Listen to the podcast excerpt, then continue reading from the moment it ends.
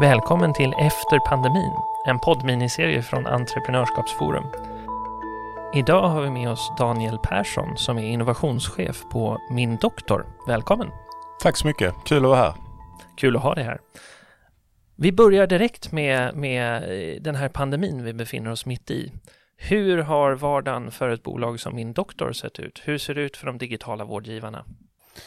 Ja, det har väl i princip ställts eh, 180 grader på, eh, på kant skulle jag säga. Vi eh, såg ju ganska tidigt som de andra eh, vårdaktörerna att här har vi en pandemi på, på intågande och insåg väl att dels kan vi göra en stor skillnad och aktivt försökt att eh, vara med och bidra till att alla aktörer som jobbar inom vårdsektorn kan, eh, kan liksom bidra med det, det de är bra på. Men sen har vi också försökt att hitta information, hitta de här samarbetena eh, och möts av eh, otroligt tvära kast när man pratar om nya, nya riktlinjer, nya regelverk eller nya bestämmelser.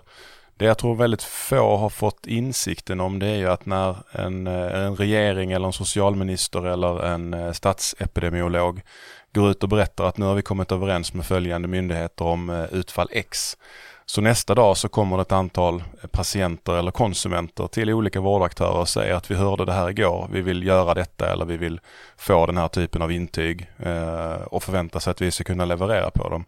Men alla förstår förmodligen att det är en ganska lång kedja av information som måste flöda från den som har fattat det beslutet till den som ska exekvera på det. Så att mycket har gått åt att förstå tolka, vad ska vi göra, hur ska vi förklara detta för vår personal eh, och så vidare. Så det är en kombination, men framförallt så har ju patientintrycket varit, eh, söktrycket har varit enormt.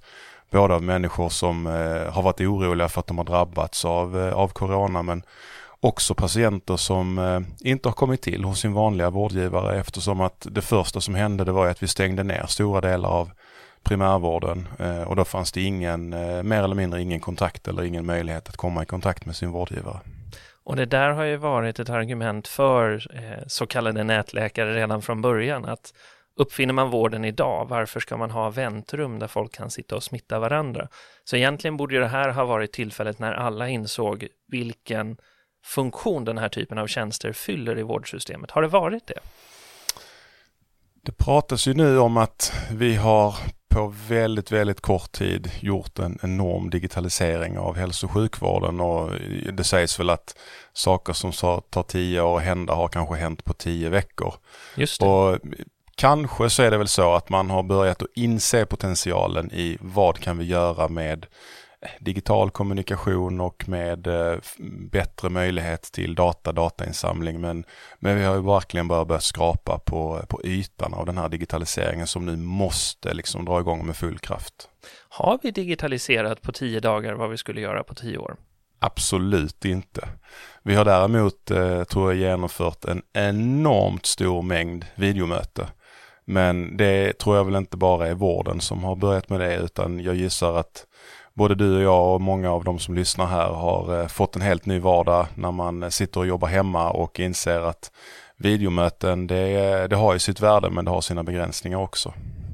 Hur har det sett ut på personalsidan då, när ni har läkare som ansluter sig till den, till den här tjänsten eller sjuksköterskor som jobbar med er?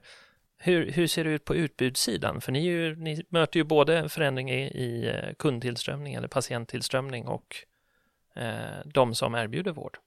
Ja, vi, vi har ju haft en, sen, i princip sen vi startade så har vi varit en, en attraktiv arbetsgivare för både läkare och sjuksköterskor och det hoppas vi såklart att vi ska fortsätta vara. Så att vi har egentligen aldrig haft ett jätteproblem med att hantera eh, intresseförfrågningar. Och det är klart att nu har, nu har det eskalerat här under, under pandemin. Men, men det jag tror är ganska unikt för digitala aktörer det är att vi också har kunnat låna ut personal till eh, till den övriga eh, vårdapparaten. Så vi har ju, tror jag, mellan fem och tio sjuksköterskor som, eh, som har en, eh, en så kallad IVA-utbildning i botten och som har varit och tjänstgjort på, eh, på intensivvårdsavdelningar runt om i landet mitt under liksom den mest brinnande krisen.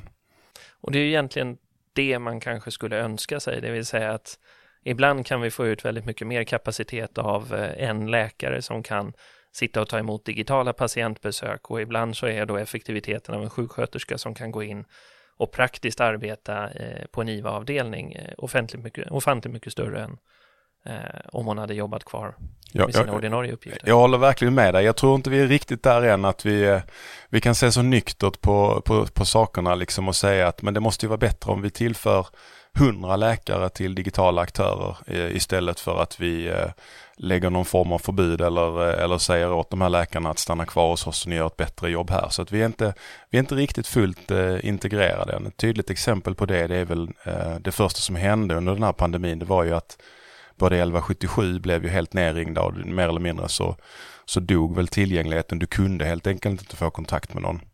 Då erbjöd vi både, både våra sjuksköterskor och eh, faktiskt våra plattformar för att komplettera eh, 1177 och den infrastrukturen som fanns. Men, eh, men fick ett ganska kallt mottagande. Så det vi fick göra då det var ju att, att snabbutbilda ganska många av våra sjuksköterskor så att de kunde bli digitala och därmed så att säga bli en indirekt avlastning eftersom att en, eh, en medborgare som möts av, eh, nu kan vi inte svara på flera timmar hos 1177, kommer att söka sig vidare. Så vi kunde ganska snabbt ändå liksom komma upp och, och börja leverera på, eh, på den typen av förfrågningar. Men det blev ju det blev ju indirekt så att det hade nog varit mycket bättre om vi hade gjort tillsammans där men, men kanske. Så för den som tänker sig att digitaliseringen av vården handlar om en bra koordinering mellan den typ av aktörer som ni är, digitala vårdgivare och existerande vårdgivare eller offentliga vårdgivare eller eh, det befintliga vårdsystemet, vad man nu vill kalla dem.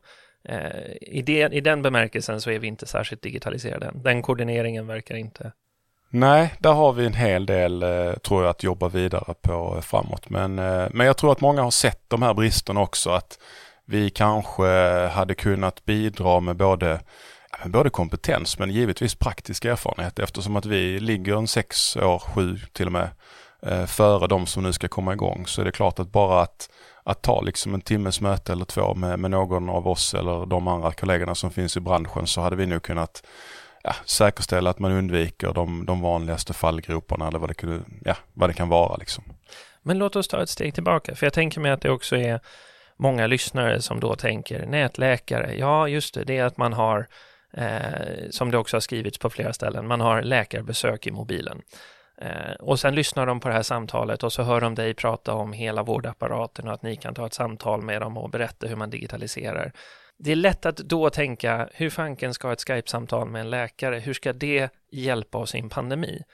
Men det är ju lite mer än bara det där mobilsamtalet eller videosamtalet. Så vad är, vad är det ett företag som min doktor egentligen erbjuder? Vad är det ni gör i vårdsystemet? Man kan väl säga att det vi gör egentligen det är att vi försöker skapa helt nya vårdmötesprocesser. Vad betyder det? Eh, ja, men lite som du själv är inne på. Eh, ett traditionellt besök i, i vården, det går till på följande sätt. Du eh, ringer, bokar en tid, åker till eh, ett väntrum, väntar, eh, sen blir du inkallad, där berättar du din historia, vad du behöver hjälp med. Sen kanske du får hjälp med lite provtagning eh, och sen så skriver läkaren en journal eh, och sen får du kanske ett läkemedel förskrivet och sen är din, din interaktion med vården över. Om du tittar på alla de här beståndsdelarna som, eh, som du faktiskt går igenom så kan du ju antingen automatisera eller optimera dem på ett helt annat sätt än vad vi gör idag. Exempelvis är det så att innan du träffar eh, de flesta digitala aktörerna så kommer ju patienten eller konsumenten svara på ett ganska stort antal frågor om varför, är jag på, varför vill jag söka, eh, vad är det för besvär jag har haft, hur länge har jag haft dem?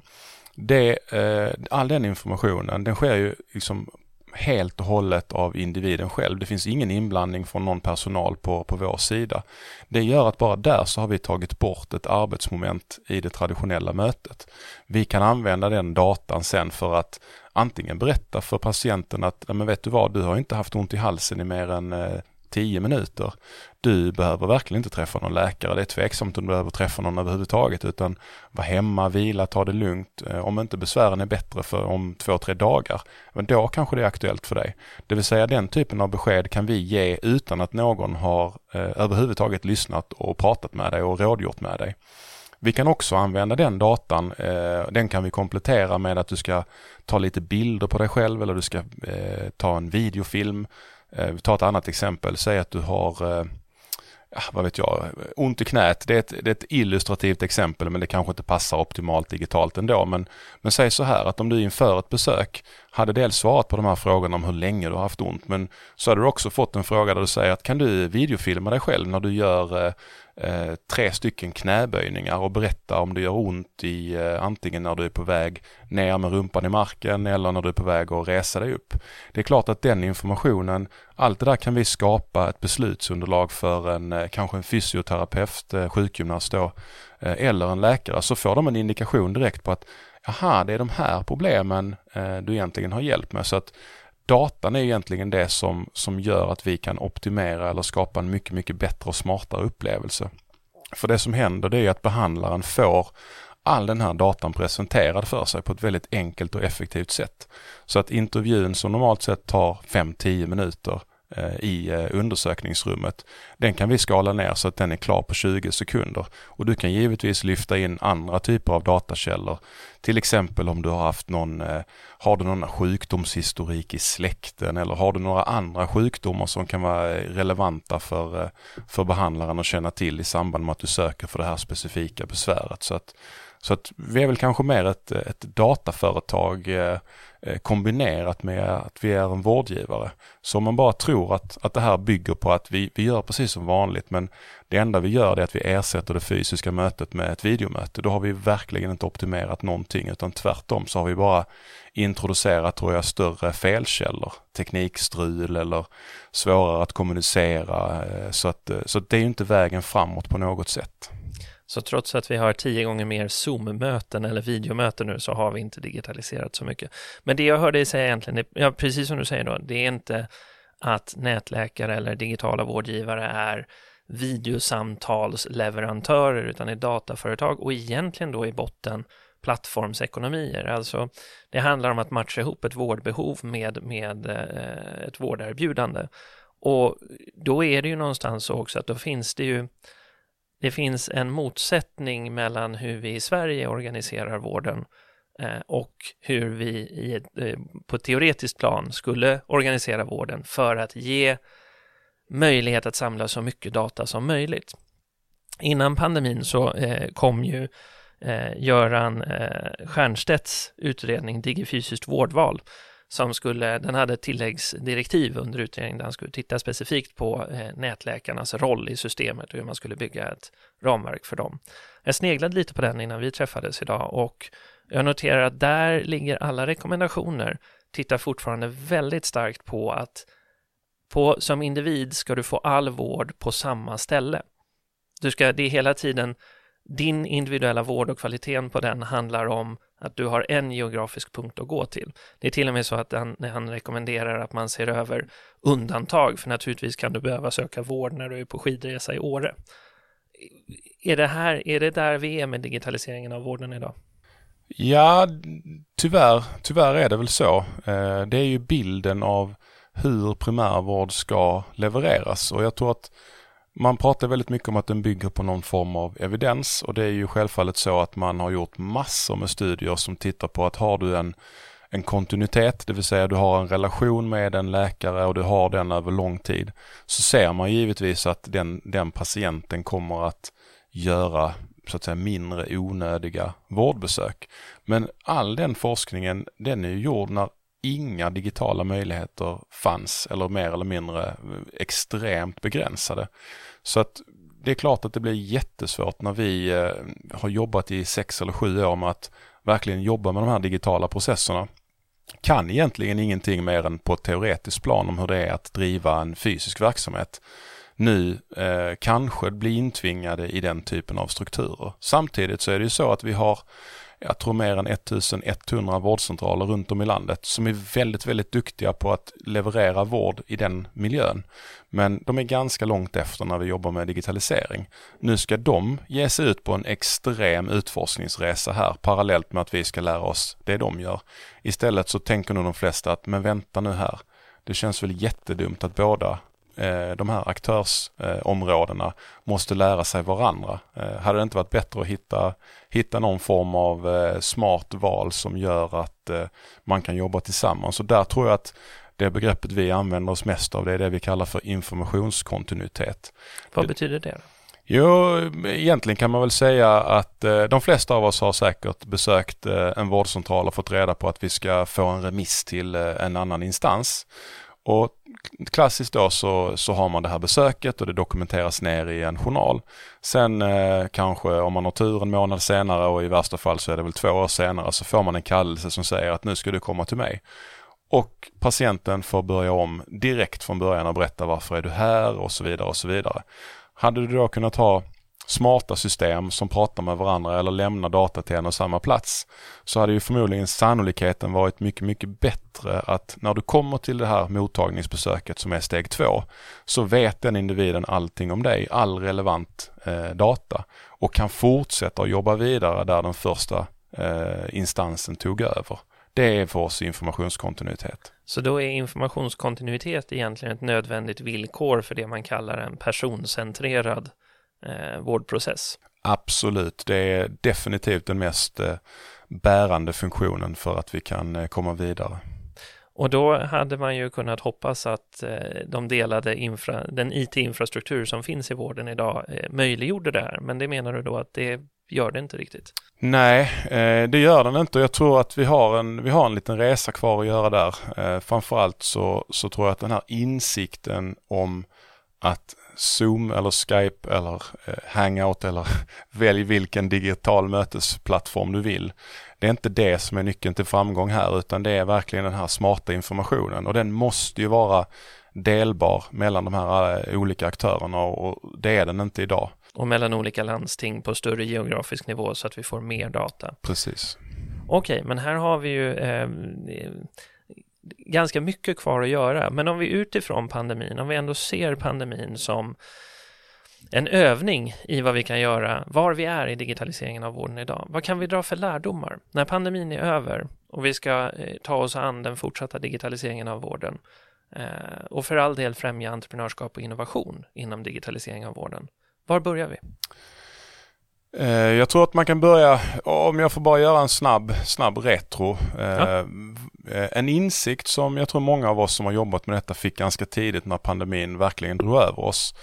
Det var att baserat på vad som har hänt de senaste två åren för oss digitala aktörer. Vi har haft en eh, en situation där man har sänkt vår ersättning ganska mycket. Eh, vi har också haft de här utredningarna som har dragit igång hela vinster i välfärden-debatten. Och då ska vi säga bara för, för den lyssnare som inte har hängt med i det, att man har alltså separata ersättningar beroende på hur vi ger vård. Exakt. Och då är ersättningen för då nätläkarbesök det som har sänkts Precis. två eller tre gånger. Jag tror tre gånger. Ja. Tre gånger de senaste ett och ett halvt åren. Och ryktet är ju liksom att man hela tiden vill fortsätta att sänka eh, ersättningen. Hela den osäkerheten den har gjort att alla aktörer som jobbar med riktig digitalisering om jag får säga, de, eh, de har ju varit lite restriktiva till att fortsätta utveckla så att vi inser att vi bara liksom, vi har sprungit kanske en meter av ett maratonlopp när vi pratar digitalisering av vård och därför har innovationstakten sänkts eh, något. Och det kan jag tycka är frustrerande att vi skulle förmodligen kunna tagit hand om ännu fler människor än vad vi redan har gjort. Men baserat på att vi blev hämmade i, i liksom innovationskraft så, så kunde vi inte riktigt tillgodose alla behoven som vi hade kunnat om vi hade fått fritt spelrum. Så det är väl den första eh, konsekvensen tänker jag. Den andra eh, som jag själv personligen har funderat ganska mycket på det är att vi vi skriver mellan olika vårdgivare, ja, jag skulle gissa flera miljoner remisser per år. Och de remisserna de är egentligen bara en kort informations snutt om att jag har träffat en patient, jag kan inte riktigt avgöra eh, vad detta är. Jag skulle vilja att du som har bättre kompetens eh, tittar på den här patienten. Nu pratas det om att ah, vi kanske ska digitalisera remisserna eh, och vi ska försöka skicka remisser mellan olika landsting. Ja, och det man har gjort då det är det klassiska eh, felet att man har tagit den här pappersblanketten och gjort den eh, elektronisk. Det vill säga du ska fortfarande skicka en kort text om jag har träffat den här patienten, kan vara eh, den här diagnosen, kanske denna, jag är osäker, tacksam om du kan fortsätta utredningen. Istället för att fundera på, finns det någon mer information som är tillgänglig som skulle kunna underlätta för, för min kollega som ska ta emot den här remissen? återigen, det skulle kunna vara de här eh, eh videofilmerna, det skulle kunna vara någon form av eh, utredningsunderlag och så vidare. Så att Eh, där tror jag att man har eh, en, liksom, kalla det ett litet guldägg. Skulle man kunna lösa det, då tror jag verkligen att vi skulle kunna möjliggöra för, för alla de här som sitter och tar emot remisser. De är, de är givetvis fundersamma och kallar in alla patienterna och sen så tror jag att ett stort antal av de patienterna egentligen inte skulle behöva komma dit för att man hade kunnat lösa problemet för dem eh, eller ge dem ett svar redan bara att få mer data i den första kallelsen. Egentligen precis ett exempel på det du pratar om informationskontinuitet. Precis. Ja, ni är ju eh, entreprenörer i den här sektorn, men om vi tittar på entreprenörskap utanför de bolag som finns idag, så har vi en infrastruktur. Det du beskriver egentligen är, ja, alla har en internetuppkoppling, so far so good. Och sen levereras det vårdtjänster eh, någonstans längst upp i den här eh, infrastrukturstacken. Mitt däremellan, du pratar om att det inte finns en informationskontinuitet. Jag föreställer mig att för att vi ska kunna få entreprenörskap och innovation som bidrar till digitalisering av vården så måste det finnas en större öppenhet i mitten av det här lagret. Är det någonting som du har funderat på? Du ser, du ser ju så att säga insidan av det här. Jag, jag kan bara resonera utifrån. Jag vet att ni har uppkopplingen, jag vet att det levereras vård, men mitt i där så verkar det ju inte som att en patientjournal som nedtecknas på ett ställe eller en remiss som skrivs på ett ställe smärtfritt kan delas mellan en massa olika aktörer i mitten. Nej men så är det. Eh, det är givetvis så att just, just det här mellanlagret, där finns det massor att fortsätta och utveckla kring. Jag tror att vi har kommit en bit på vägen när vi pratar om att vi kan dela den typen av liksom vårddata. Eh, det finns ju eh, en organisation eller ett bolag, Inera, som har det uppdraget. Det är ju ett bolag som ägs av, eh, av Sveriges kommuner och, eh, och regioner som har egentligen uppdraget då att leverera vårdens infrastruktur och infrastrukturtjänster. Eh, de har haft en tradition att leverera till, till regionerna givetvis och den IT-miljö som finns på, på regional basis. Men man har ju glömt alla de privata aktörerna i det här fallet. Så att öppen data är eh, ett absolut måste och möjligheten för oss att koppla på oss mot den här infrastrukturen, den är också extremt stor. Sen tror jag att man, har, man saknar ett antal tjänster. Eh, antingen kan det vara information om egentligen den här patienten. Det är jättebra om vi som behandlare får eh, information om patientens sjukdomshistorik men vi skulle också vilja veta var den här patienten har sin, eh, sin så att säga ordinarie husläkare eller träffar de en specialist regelbundet. Ja men vem är det? För att om vi skulle behöva skicka information till dem så vill vi såklart kunna skicka eh, patienten direkt och säga att du ska ju prata med vad vet jag, doktor Niklasson här som du normalt sett träffar. Ta med den här informationen till honom. Det blir en mycket bättre upplevelse av, av besöket. Så att kalla det administrativ eh, information som, eh, som man verkligen behöver eh, förse alla aktörer med. Sen kommer det komma ett helt nytt tjänstebehov som vi inte riktigt tror jag har förstått. Till exempel om jag ska, om jag ska liksom dra ett konkret exempel så vet vi att det finns nu många, många patienter eller konsumenter som tycker att det här med tillgängligheten det är extremt viktigt. Så det är faktiskt så att man, man laddar ner både vår app men också kanske ett antal av våra konkurrenters appar. Och när man är sjuk så söker man vård i alla apparna samtidigt. Och här finns ingen, eh, ingen tjänst eller någon form av infrastrukturkomponent som kan flagga för oss att här har vi en patient som, eh, som har tre parallella eh, vårdmöten. Eh, och ofta är det så att patienten de, eh, de fortsätter sin interaktion med vården i den appen som svarar snabbast. Medan två läkare läser in sig då på de andra konkurrerande apparna exempelvis och, och möts av egentligen en patient som inte dyker upp för att man fick då hjälp någon annanstans. Så att jag menar det här nya beteendet det skapar ju helt helt andra liksom behov av, av tjänster eller logik som inte vi har förstått innan och där har vi absolut ingen motpart att prata med utifrån det perspektivet. Vem, när man inte ens förstår de här nya beteendena som uppstår så tror jag inte man kan ens förstå hur man ska tänka ut och leverera tjänster på dem.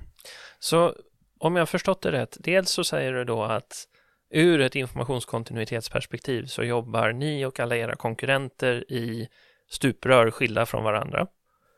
Ja. Och dessutom skilda från eh, SKRs infrastruktur och då är den sista frågan, är det också så att det är stuprör inom SKR eller finns det informationskontinuitet inom, eh, vad sa du att de heter nu, Inera?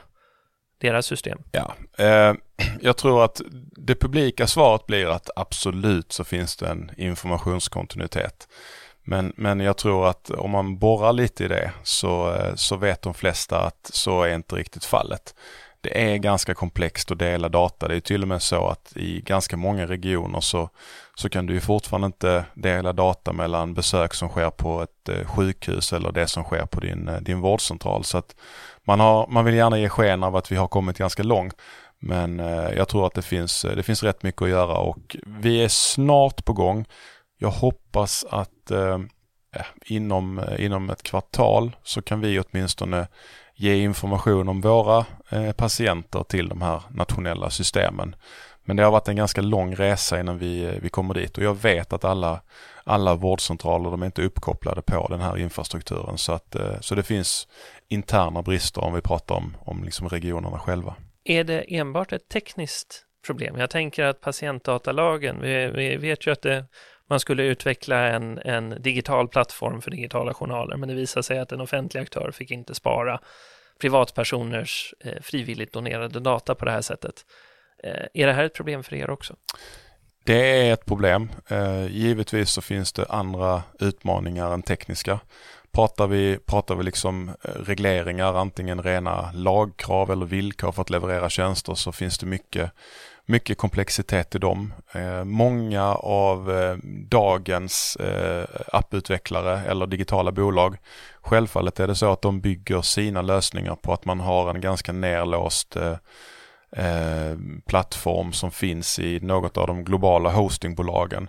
Då har du sekretessproblematiken kring det. Vi har eh, Cloud Act, eh, GDPR eh, som, som såklart är eh, otydligt. är det ens tillåtet att, eh, att ha sin plattform eh, i de här länderna. Nu är det tack och lov ganska enkelt för oss att migrera om det skulle bli liksom någon form av utlåtande kring detta. Men, men det hela den osäkerheten, det är klart att den, eh, den påverkar hela branschen. Sen tror jag att det finns, eh, det finns väl också ett lager av eh, kanske bristande insikt i vad det är vi egentligen gör eller vad vi vill åstadkomma. Eh, det är väl därför som, som vi ser nu ett stort antal eh, videomöten för det, det är det som man som individ lätt kan förstå att jaha, jag ska ha ett digitalt möte istället för att vi ses så är det klart som fan att vi, eh, vi har ett videomöte. Det är ju precis samma sak. Men att, att göra någonting för, för att eh, byta från, från en eh, från en mötesform till en annan, det ger ju inget större liksom värde. Du kan inte skala det, du kan inte effektivisera det och det är det vi behöver göra. Så att jag tror att man behöver öka insikten eh, hos ett antal tjänstemän och beslutsfattare om vad det faktiskt behöver göra för att jobba med digitaliseringen på riktigt i vården. Så snarare än att ha gjort på tio dagar vad vi tänkte skulle ta tio år så har vi på tio dagar upptäckt vad vi kommer behöva göra de kommande tio åren. Men om vi ska sammanfatta lite grann så kan vi egentligen ta fyra punkter då. Det ena är att du säger att videomöten, det är inte digitalisering. Eh, och det andra du säger är att vi måste ha informationskontinuitet. Så snarare än då kontinuitet i att en patient alltid träffar samma läkare, så är det eh, minst lika viktigt, om inte viktigare, att kunna dela data mellan olika vårdgivare. Och ett exempel på det som du tog upp var remisserna. Och sen så eh, även då det här mellanlagret, alltså hur den digitala egentligen mjukvaruinfrastrukturen för vården ser ut och att den är ganska nedlåst. Så ska vi få både utveckling av den befintliga vården och vårdgivarna och ny, ny innovation och nytt entreprenörskap så kommer vi kräva öppna infrastrukturer, API och öppen data. Ja, det är en ganska bra sammanfattning och bara för det så kommer jag på en femte punkt som är extremt viktig. Ja. Det är ju att vi pratar om öppenhet här aktörer emellan och det är ju självfallet en, en förutsättning för den här informationskontinuiteten. Men vi får ju absolut inte glömma den absolut viktigaste intressenten i detta och det är ju individen själv. När vi kan tillgängliggöra all den här datan så att man kan få en större förståelse om sin sjukdom, Eh, hur blir min, eh, min dag om jag följer de behandlingsråden jag har fått eller om jag tar de läkemedel jag har fått? Eh, hur kan det påverka mitt eget välmående? Det, det, då vi tar det riktiga steget framåt. Det kan vi ju se i små enkla försök att eftersom att en, en människa eller en patient som lider av en sjukdom kanske träffar eh, sin vårdgivare, har man tur, mellan 5-10 gånger per år Eh, Eh, så innebär det 10 timmar av, jag vet inte hur många, det finns, en, eh, det finns ju en jätte, jätteberömd svensk eh, tjej, Sara Riggare, som, som är otroligt kompetent men hon har ju dessutom Parkinson. Och hon brukar ha en bild på, på sina presentationer där hon träffar sin, om det är neurolog tror jag, en timme per år och sen lever hon i, jag vet inte hur många timmar, det får, ni, det får ni räkna ut själv. Men då förstår man hur mycket man behöver leva med sin egen sjukdom. Så att där kommer vi verkligen behöva jobba med att tillgängliggöra all den här informationen på ett bra sätt. För det är först då som eh, människor som, som är sjuka av olika anledningar kan fatta eh, på riktigt liksom hur ska jag må när jag får den optimala behandlingen och verktygen måste ligga primärt i deras händer. Så man sätter patienten i centrum. Det tycker jag är en bra avslutning på det här samtalet. Tack för att du tog dig tid. Tack så mycket. Tack för att du lyssnat på det här avsnittet av Efter pandemin som är en poddminiserie från Entreprenörskapsforum. Det här är en del av ett större projekt vi gör och på vår hemsida hittar du en särskild undersida som heter just Efter pandemin. Där finns det bland annat en utlysning för att samla in policyförslag från forskare men också från Folk som kan det politiska hantverket eller företagare som ser hur politiken spelar ut i praktiken. Du hittar riktlinjerna för hur man skickar in ett policyförslag och du hittar också alla andra poddar i den här serien.